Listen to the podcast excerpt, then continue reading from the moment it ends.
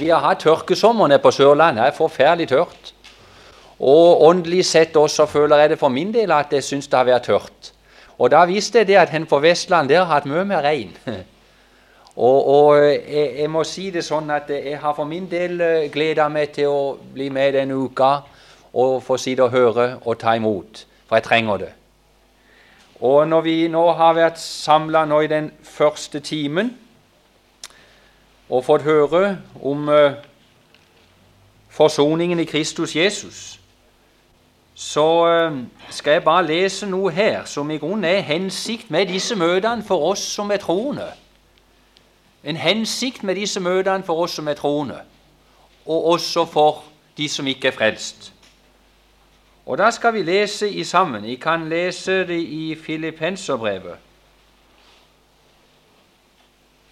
I det tredje kapittel og vers 12.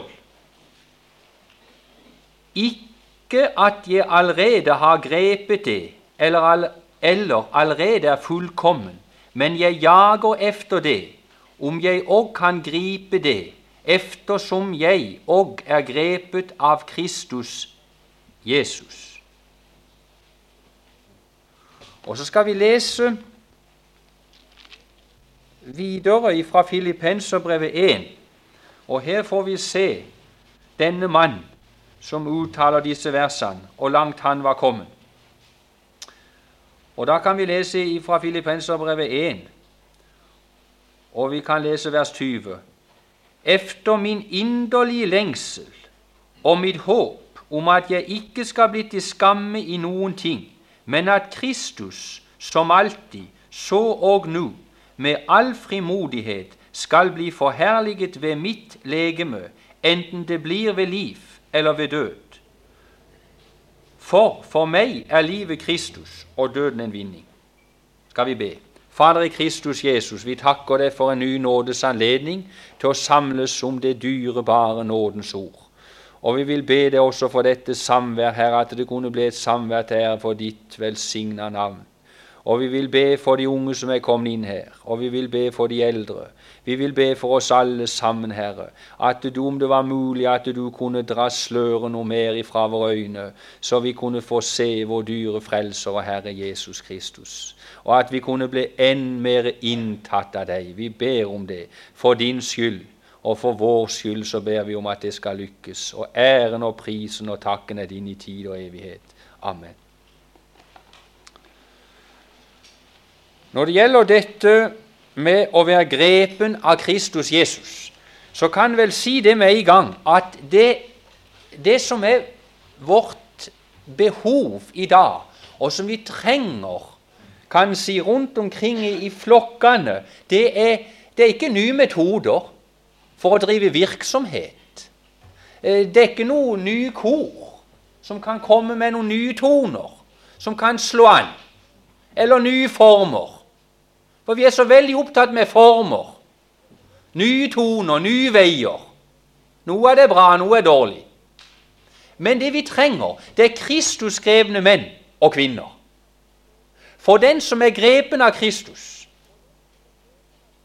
han får være til velsignelse for andre. Han er med å vinne sjeler, og han er med å bringe velsignelsen ut til andre. Men så er det spørsmål hva vil det si å være Kristusgrepen? En kan gjerne høre f.eks. i et vitnesbyrd. Så er det noen som står opp, og så virker de så veldig grepen. De gråter, og de vitner, og det er velsigna godt å høre dem. Og, og, og folk sier du verden og grepen han var. Med andre ord, det å være Kristusskreven Vi har så lett for å bli opptatt med Eller iallfall så regner vi med det, og jeg har gjort det for min del lenge, at det å være Kristusskreven, det at jeg er grepen av Kristus i følelseslivet mitt Så han har grepet meg i følelseslivet mitt. Og et tent annet. Og det er veldig å være grepen i følelser. Det skal vi ikke se smått på. For det er en veldig kraft. Men er det å være Kristusskreven? Nå, nå kan ikke jeg hebraisk, og ikke kan jeg gresk, så jeg må bare stole på det andre har sagt. Men det å være Kristus-grepen, å være grepet, det betyr Det kan bety fem ting. Og den ene tingen, det er det at å være overtatt overtatt. Og det andre er beslaglegge. Og det tredje er gripe fatt i noe som sitt eget. Og det fjerde tatt til fange. Og det femte min eiendom. Og så kan vi gå over på det og det vil si å være grepet. La oss ta det første uttrykket overtatt.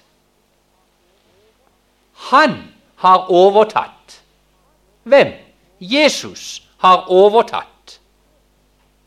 Paulus, som skriver dette, og sier 'eftersom jeg er grepet av Kristus', så hadde Paulus fått oppleve dette fantastiske som skjedde i sitt liv, at det var en som overtok.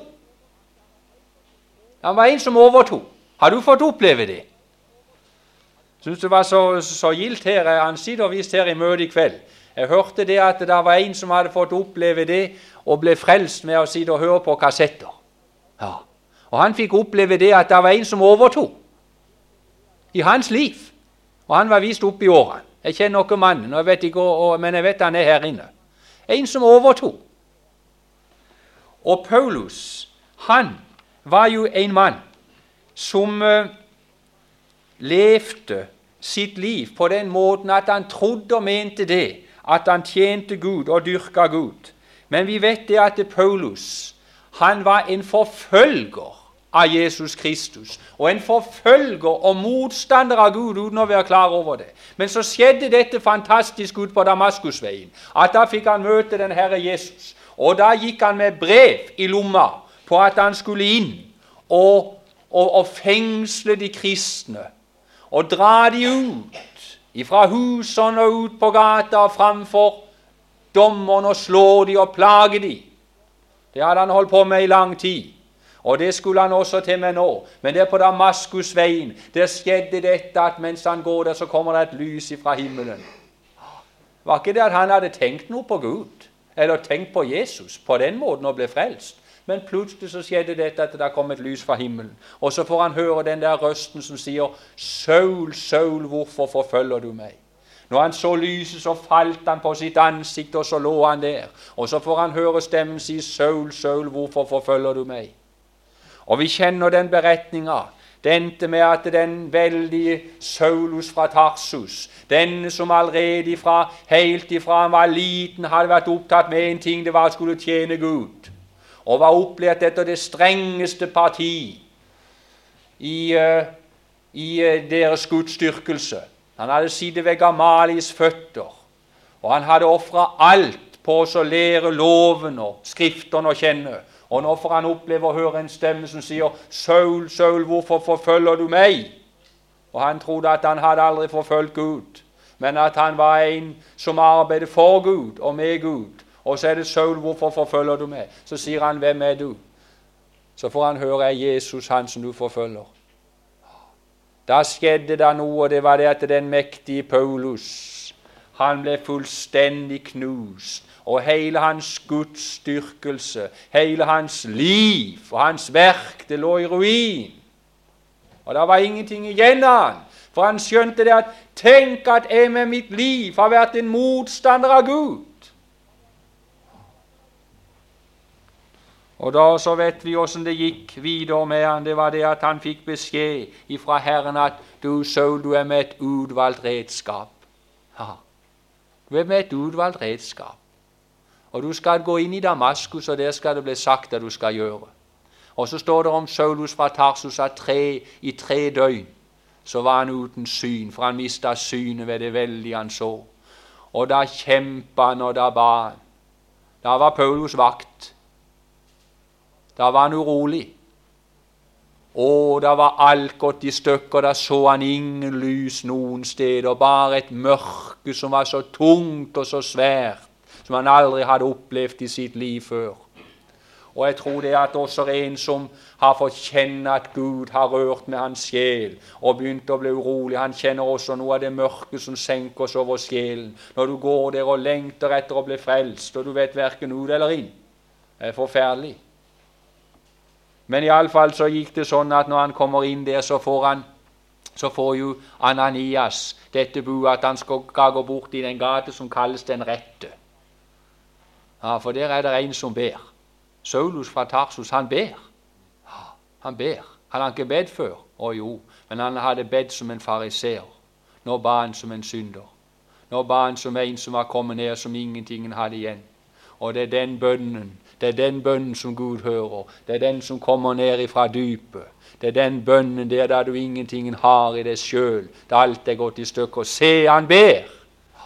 Og så er det det at Ananias sier den der Saul, Saulus Nei, den der han som, han som uh, går rundt og, og, har gjort så uendelig mye vondt for alle de hellige.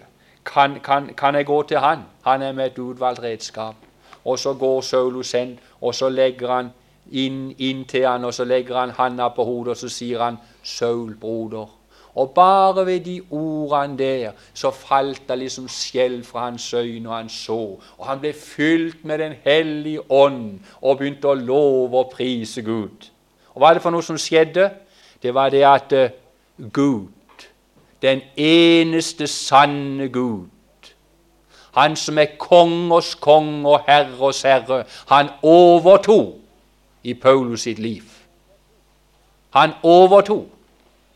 Med andre ord, i det øyeblikket så ble Saulus fra Tarsus Han ble grepet. Han ble grepet. Det var en som overtok. Og hva vil det si at han overtok? Det vil si det, akkurat som, som en som er en direktør en som blir direktør, administrerende direktør for et stort firma. Han er administrerende direktør, dvs. Si at han har nå overtatt hele firmaet. Og han styrer med alle avdelingene. Alle underavdelingene. Det er direktøren, den administrerende direktør, som har overtatt, og som styrer alle avdelingene. Og det som skjedde med Saulus fra Tarsus, det var det, for å være i bildet, at det var en som hadde overtatt, en administrerende direktør. Han hadde overtatt i Paulus sitt liv fullstendig. Og da er det så vidunderlig å få vite det, altså at han hadde ikke overtatt på den måten at han kom inn og liksom overtok noe rent tilfeldig. Men det som Arnold var inne på i forrige time også, det som egentlig skjer når et menneske blir frelst, og som skjedde med Saulus fra Tarsus, det var det at han ble kjøpt. For I er dyrt kjøpt. Vi er dyrt kjøpt. Han, direktøren, Jesus Kristus, han hadde kjøpt Saulus fra Tarsus med sitt dyre blod. Og saken er den at han har også kjøpt deg. Det går an å nekte den herre som kjøpte det. Det går an, det. Men han har kjøpt det. For på Golgata kors, der kjøpte han den enkelte sjel til sin eiendom for tid og evighet. Og når et menneske gir seg, gir opp sin motstand, så overtar han den eiendommen som han har kjøpt, eller firmaet. Ja. Og det firmaet kan du si, som eh, Jesus overtok når det gjaldt Saulus fra Tarsus, det var et dårlig firma. Det var et dårlig firma. Når du tenker på det han hadde gjort Og det er ikke for ingenting Saulus han sier det, iallfall flere steder. Eller i, i, i Tessalonikerbrevet sier han det at han er den største av alle syndere, for han har forfulgt Guds menighet. Men det er én ting jeg beundrer, som er Jesus. Jeg beundrer det. Ja, det er mange ting, men jeg beundrer det. At han kan klare å ta en som er en bitter motstander, og så kan han gjøre han til sin tjener, frivillig tjener for tid og evighet. Det er det bare Jesus som kan gjøre. Det må du lide deg på. Her i verden er det sånn at når to land er imot hverandre, eller to personer, så er det bare den ene ting det er å knuse, det er å slå ned. Men Jesus går en annen vei. Han går den veien at når han overvinner sine motstandere med kjærlighet og godhet, så vinner han dem. Og så vinner han dem på den måten at de begynner å tilbe han og gir seg over i hans hender for tid og for evighet. Jo, det å være grepen det er egentlig at han har overtatt. Og Jeg har så lyst til å si det til dere unge og dere som er eldre her inne. Du er også grepen av Jesus. Du er grepen av han. Han har egentlig overtatt i ditt liv. Det er han som er sjefen for alle avdelinger i hele ditt firma. Han skal styre over din tanke. Han skal styre over dine følelser. Han skal styre over din vilje. Han skal styre over alt i vårt liv, for vi tilhører ham. Han er administrerende direktør. Ja. Og Nå vil jeg dra fram noe her når det gjelder Saulus fra Tarsus. Og det som, som, som han Han var ikke fullkommen, sier han, men han, han, han, han jakte etter det. Om han kunne gripe det ettersom han òg var grepen av Kristus. Og det som egentlig må skje under, under vårt jordlivs vandring her, det er det at Herren kan dra skjellet fra øynene, så vi kan få se og grepen vi er ham. For når vi kan få se og grepen vi er ham Ikke bare se det, men at vi kan få, få erkjenne det og grepen vi er ham da blir også dette at vi lar Han få sin fulle rådighet over oss i den grad vi ser at vi er grepen av ham. Så kan han få lov til å disponere oss. Og det hadde Paulus fått erfare noe av. Og når, det gjelder Paulus, så kan vi bare ta når det gjelder noen av disse avdelingene skal bare nevne noen ganske få av disse avdelingene. Jeg kunne nevne, Her kunne Arnold holde på i, i ukevis om dette her, men jeg skal nevne noen få av de avdelingene som han hadde grepen og administrerte og styrte. Ta f.eks. det vi leste der fra Filippenserbrevet 1, 20. Da skal vi være klar over det at når Paulus skriver Filippenserbrevet, så har han sittet fire år i fengsel. Og datidens fengsel de er ikke som fengslene nå. Nå hører jeg til og med over i Sverige at fangene de, de, de eh, streiker. De streiker. For de vil ha bedre kår. Og de danner sin egen forening. Men det er sånn det skal bli på den siste tida. Det er den galne verden. Nå er det snart forbryterne som dirigerer og styrer verden, akkurat sånn som de vil. Og lov og rett, det viskes mer og mer ut. Det skal vi være klar over. Bare ta f.eks. når det gjelder kriminaliteten, hvordan den øker på. Hvordan eh, øvrighetene snart står maktesløst. De makter ingenting. Men den tida, når feng, hvordan fengslene var da, det var ikke sånn som i dag. Men det var å sitte der under jorda og sitte og lide, i mørket kanskje. Og han hadde det nok forferdelig. Og når han hadde sittet fire år i fengsel, så skulle en tro det at denne mannen Paulus, når han satt der i fengsel Han som var utkåret av Gud til å forkynne evangeliet, til å bringe lys ut til hedningene, så går veien inn i fengsel i fire år. Så skulle en tro det at han sa det at Nei, nå Gud, nå skjønner jeg ingenting, nå skal jeg inn her og gjøre. Og er dette her for noe? Du finner nok en eneste plass i brevene at du merker at Paulus klager over sin skjebne. Hvorfor det? Nei, for det, at det, er, det har ikke jeg noe med. Og jeg skal være hen, det, det, det, vedkommer ikke meg. Det er en som styrer mitt firma. Og han leder min gang og styrer min gang. Og vil han at jeg skal inn i fengsel, ålreit, så går jeg inn i fengsel. Og da, når han har sittet fire år i fengsel, så skulle en tro at han hadde en, en, en, lengsel og et ønske. Det var det at jeg ønsker bare én ting nå, Gud, at jeg må komme ut av fengselet. For nå, nå har jeg sittet her og lidd i fire år i fengsel. Jeg lengter mitt inderligste lengsel nå det at jeg må komme ut av fengselet. Han sier jo ikke det. Men han sier min inderligste lengsel og mitt håp til Gud det er at jeg ikke skal bli til skam i noen ting, men at Kristus, som alltid, så og nå med all frimodighet skal bli forherliget ved mitt legeme. Er det jeg ønsker. Jeg ønsker at Han som har kjøpt meg med sitt dyre blod, at Han skal bli forherliget ved mitt legeme. Åssen er det for deg? Åssen er det for meg her? Har vi kommet så langt at vi ønsker bare én ting, det er at Hans navn skal bli forherliget ved vårt legeme? Er det ikke slik med oss at det vi tenker helst på, det er å få, det er få ordna forhold for oss sjøl, så vi kan ha det mest behagelig, mest godt for oss sjøl og våre. Og så kommer Jesus i andre rekke.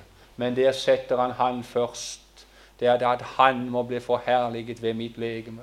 Og det kan skje enten det blir ved liv eller død. Om jeg skal fortsette å sitte inne i fengsel, så er det ålreit, det. Men jeg vil ære ditt dyrebare navn. Og jeg tror det at der inne i fengselet, der fikk fangene oppleve noe de aldri hadde opplevd før. Og fangevokterne, det står noe om de her, at det ble kjent at det var for Kristis skyld at han satt i fengsel. Han var med og utbrede evangeliet. Han var med også og skrev brevene, fangeskapsbrevene her, som brakte velsignelse langt utover fengselets murer. Hvor underlig er du i alt hva du gjør? Hvem kan dine veier forstå? Men ett er dog sikkert den vei du meg før, for meg er den beste å gå.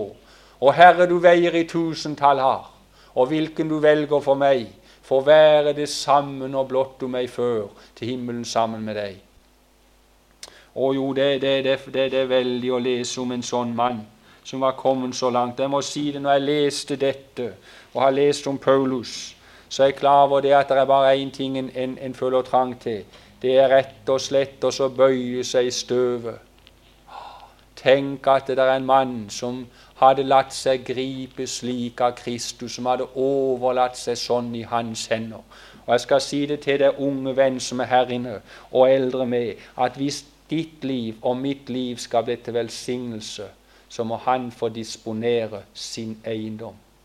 Og i den grad han får disponere oss og bruke oss, så skal du bli til stor velsignelse der du ferdes. Uansett hvor du er, så vil ditt liv bli til velsignelse. Og så kan du ta videre når det gjelder Paulus sitt liv. Du kan lese om det flere plasser.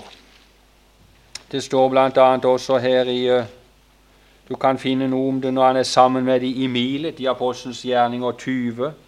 Og her sier han også det at han akter ikke sitt liv et ord verdt når han bare kan fullende løpet og den tjeneste som han fikk av den Herre Jesu navn. Han akter ikke sitt liv et ord verdt. Vi akter vårt liv mange ord verdt, og vi forsvarer oss på alle mulige måter, men han akter ikke sitt liv et ord verdt. For det var bare én ting det var å fullende tjenesten og løpe. Og eh, han går også videre her. Og så, Jeg syns det, det, er så fint når han går videre her.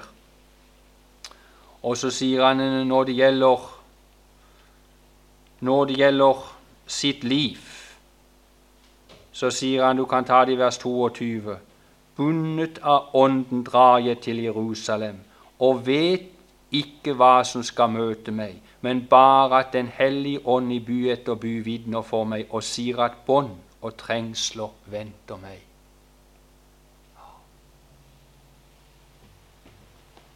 Han var bundet av Ånden.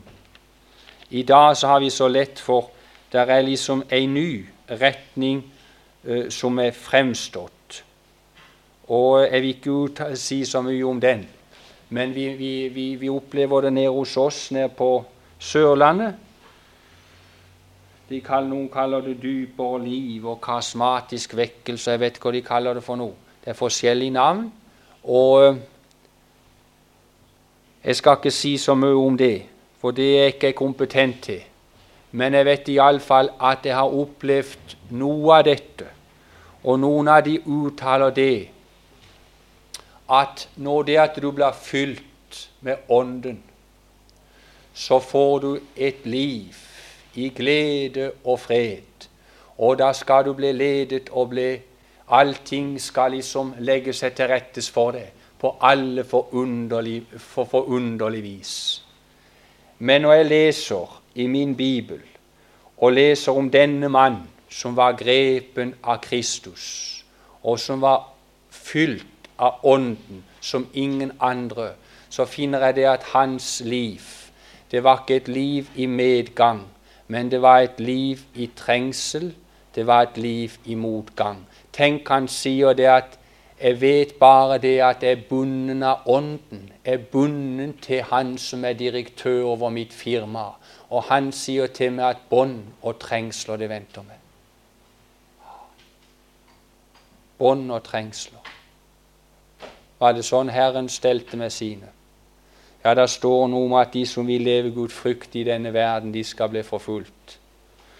Og det er iallfall sikkert at hvis den vil hvis den vil leve gudfryktig, i den grad Kristus får lov til å disponere oss, så vil vi også oppleve motstand i denne verden. Men du vil også oppleve midt i motstand og trengselen, så vil du oppleve det at Han er lys for deg. Og så vil du oppleve gleden. Du vil også oppleve freden midt i alt dette. Men du vil oppleve motstand. Og når vi tar Paulus, så er det veldig å tenke på det han fikk oppleve. Du kan jo lese om det videre her i, i Korintierbrevet. Og der står det når han uttaler om det han måtte oppleve for Jesu navns skyld. Fem ganger fikk han 40 slag på ett nær, og tre ganger så ble han hudstrøken. Og han ble stena og led skipbrudd. Var det en mann som var åndsfylt? Var det sånn Herren stelte med dem? Ja, Det stemmer iallfall ikke med det mange hevder i dag. At når det er at du er åndsfull, så kan du bare be til Gud, og så legger det seg til rettes for det økonomisk, og på alle bauger og hold så ordner det seg. Så har du ingen problemer mer. Nei, du får oppleve lidelse i denne verden. Du må dele noe av det samme som Jesus opplevde, men du skal få oppleve det at han er med deg. Og du skal få oppleve det at livet skal bli til velsignelse for andre. Når det gjelder Paulus videre, når det gjelder pengene hans, kan du ta den avdelingen som har altså med penger å gjøre. Han var vel veldig interessert i penger. Han sier det i vers 33 der i apostelgjerninger 20, at jeg atråd ikke sølv eller gull eller klær av noen. Og jeg vet selv at det jeg trengte, og de som var med meg, det har disse hender arbeidet for. Og i alle deler viser jeg eder at således bør vi ved strevsomt arbeid ta har av det skrøpelige og komme den Herre Jesu ord i hu, Han som selv har sagt det er saligere å gi enn å ta. Tenk Paulus, han attrådde ikke sølv eller gull. Og når han var ute og reiste sammen med Silas eller de andre følgesvennene sine, så ser det ut som det at ved nattetid så satt Paulus og så satt han og sydde telt så arbeidet han. Her står han og arbeider natt og dag. Så sydde han telt. Hvorfor gjorde han det? Jo, han arbeidet for ikke å falle noen til byrde. For penger attrådde han ikke. Det var ikke det som han attrådde. Hvem er det som disponerer over pengene dine? Er det deg sjøl? Åssen er det når, når, det gjelder den nye bilen du har tenkt å kjøpe nå? Hm? Har, har, har han sagt at du kan bare kjøpe den? Eller den nye båten. Tenk å få deg båt nå i høst. Eller fikse opp på kjøkkenet. Å, du. Vi vil gjerne ha Jesus med oss når det gjelder frelsesverket. Men dette her at vi kan få øynene opp for det at vi er grepen av Han. Han har overtatt. Og han har også overtatt alle avdelingene i firmaet. Også penge, pengeavdelingen.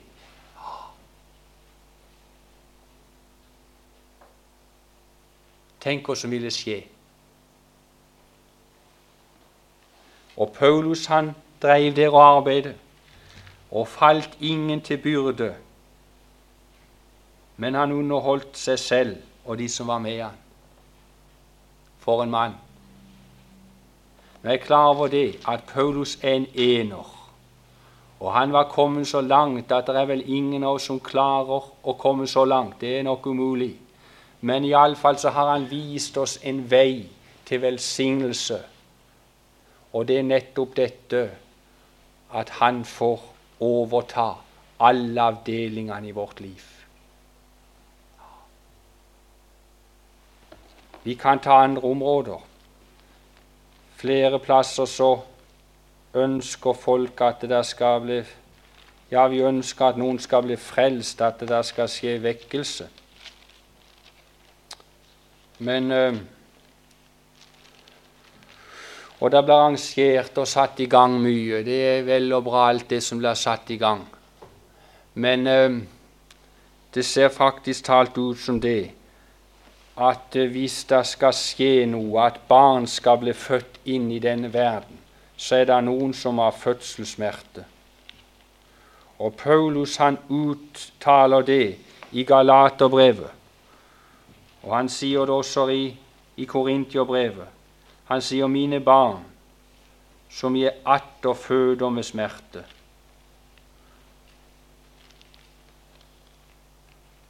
Og han sier det at det er ikke mange fedre, men jeg har avlet eder ved evangeliet.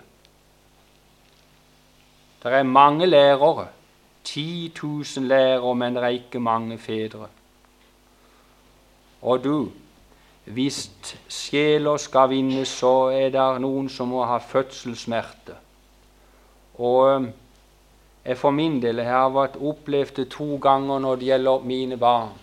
Så har jeg fått vært med kona når hun skulle ned og føde barna. Og den siste som vi fikk, han Bernt Rune Jeg, jeg syns det var så vidunderlig.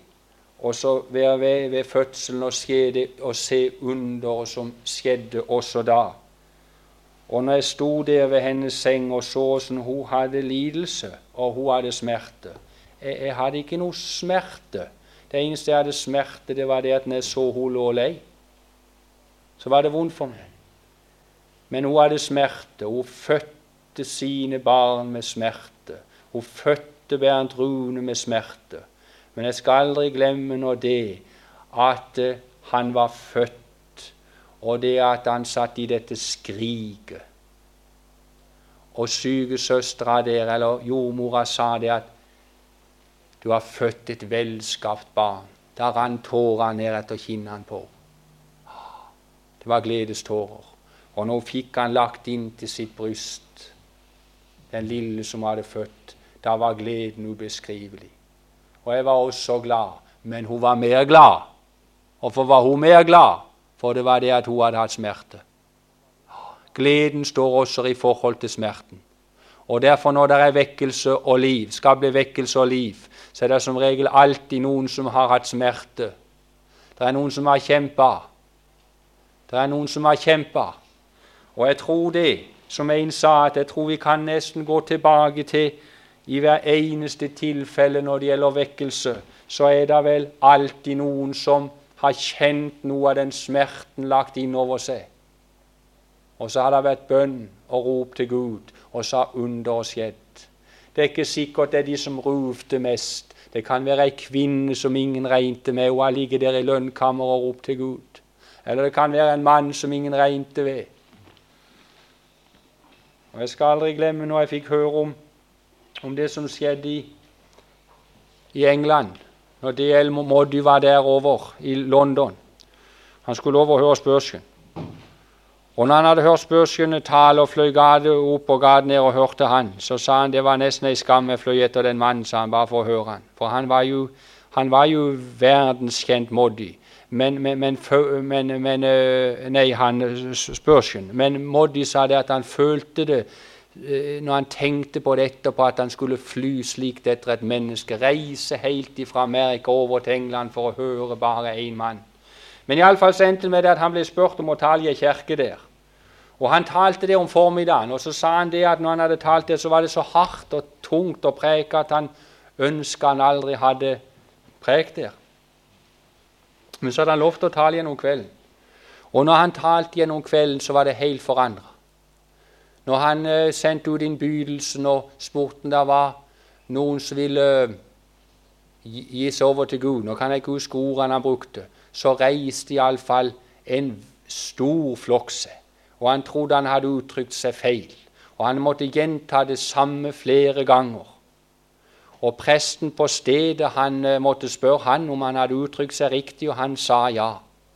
Og det endte med det at alle de frelsesøkende de måtte ned i, i, eh, i, et rom de hadde nedenunder. Og det holdt de på i lang tid å be til Gud med de som søkte frelse. Og det ble en stor vekkelse der. Må Moddy, som var så grundig, han måtte da undersøke hvor denne vekkelsen skrev seg fra.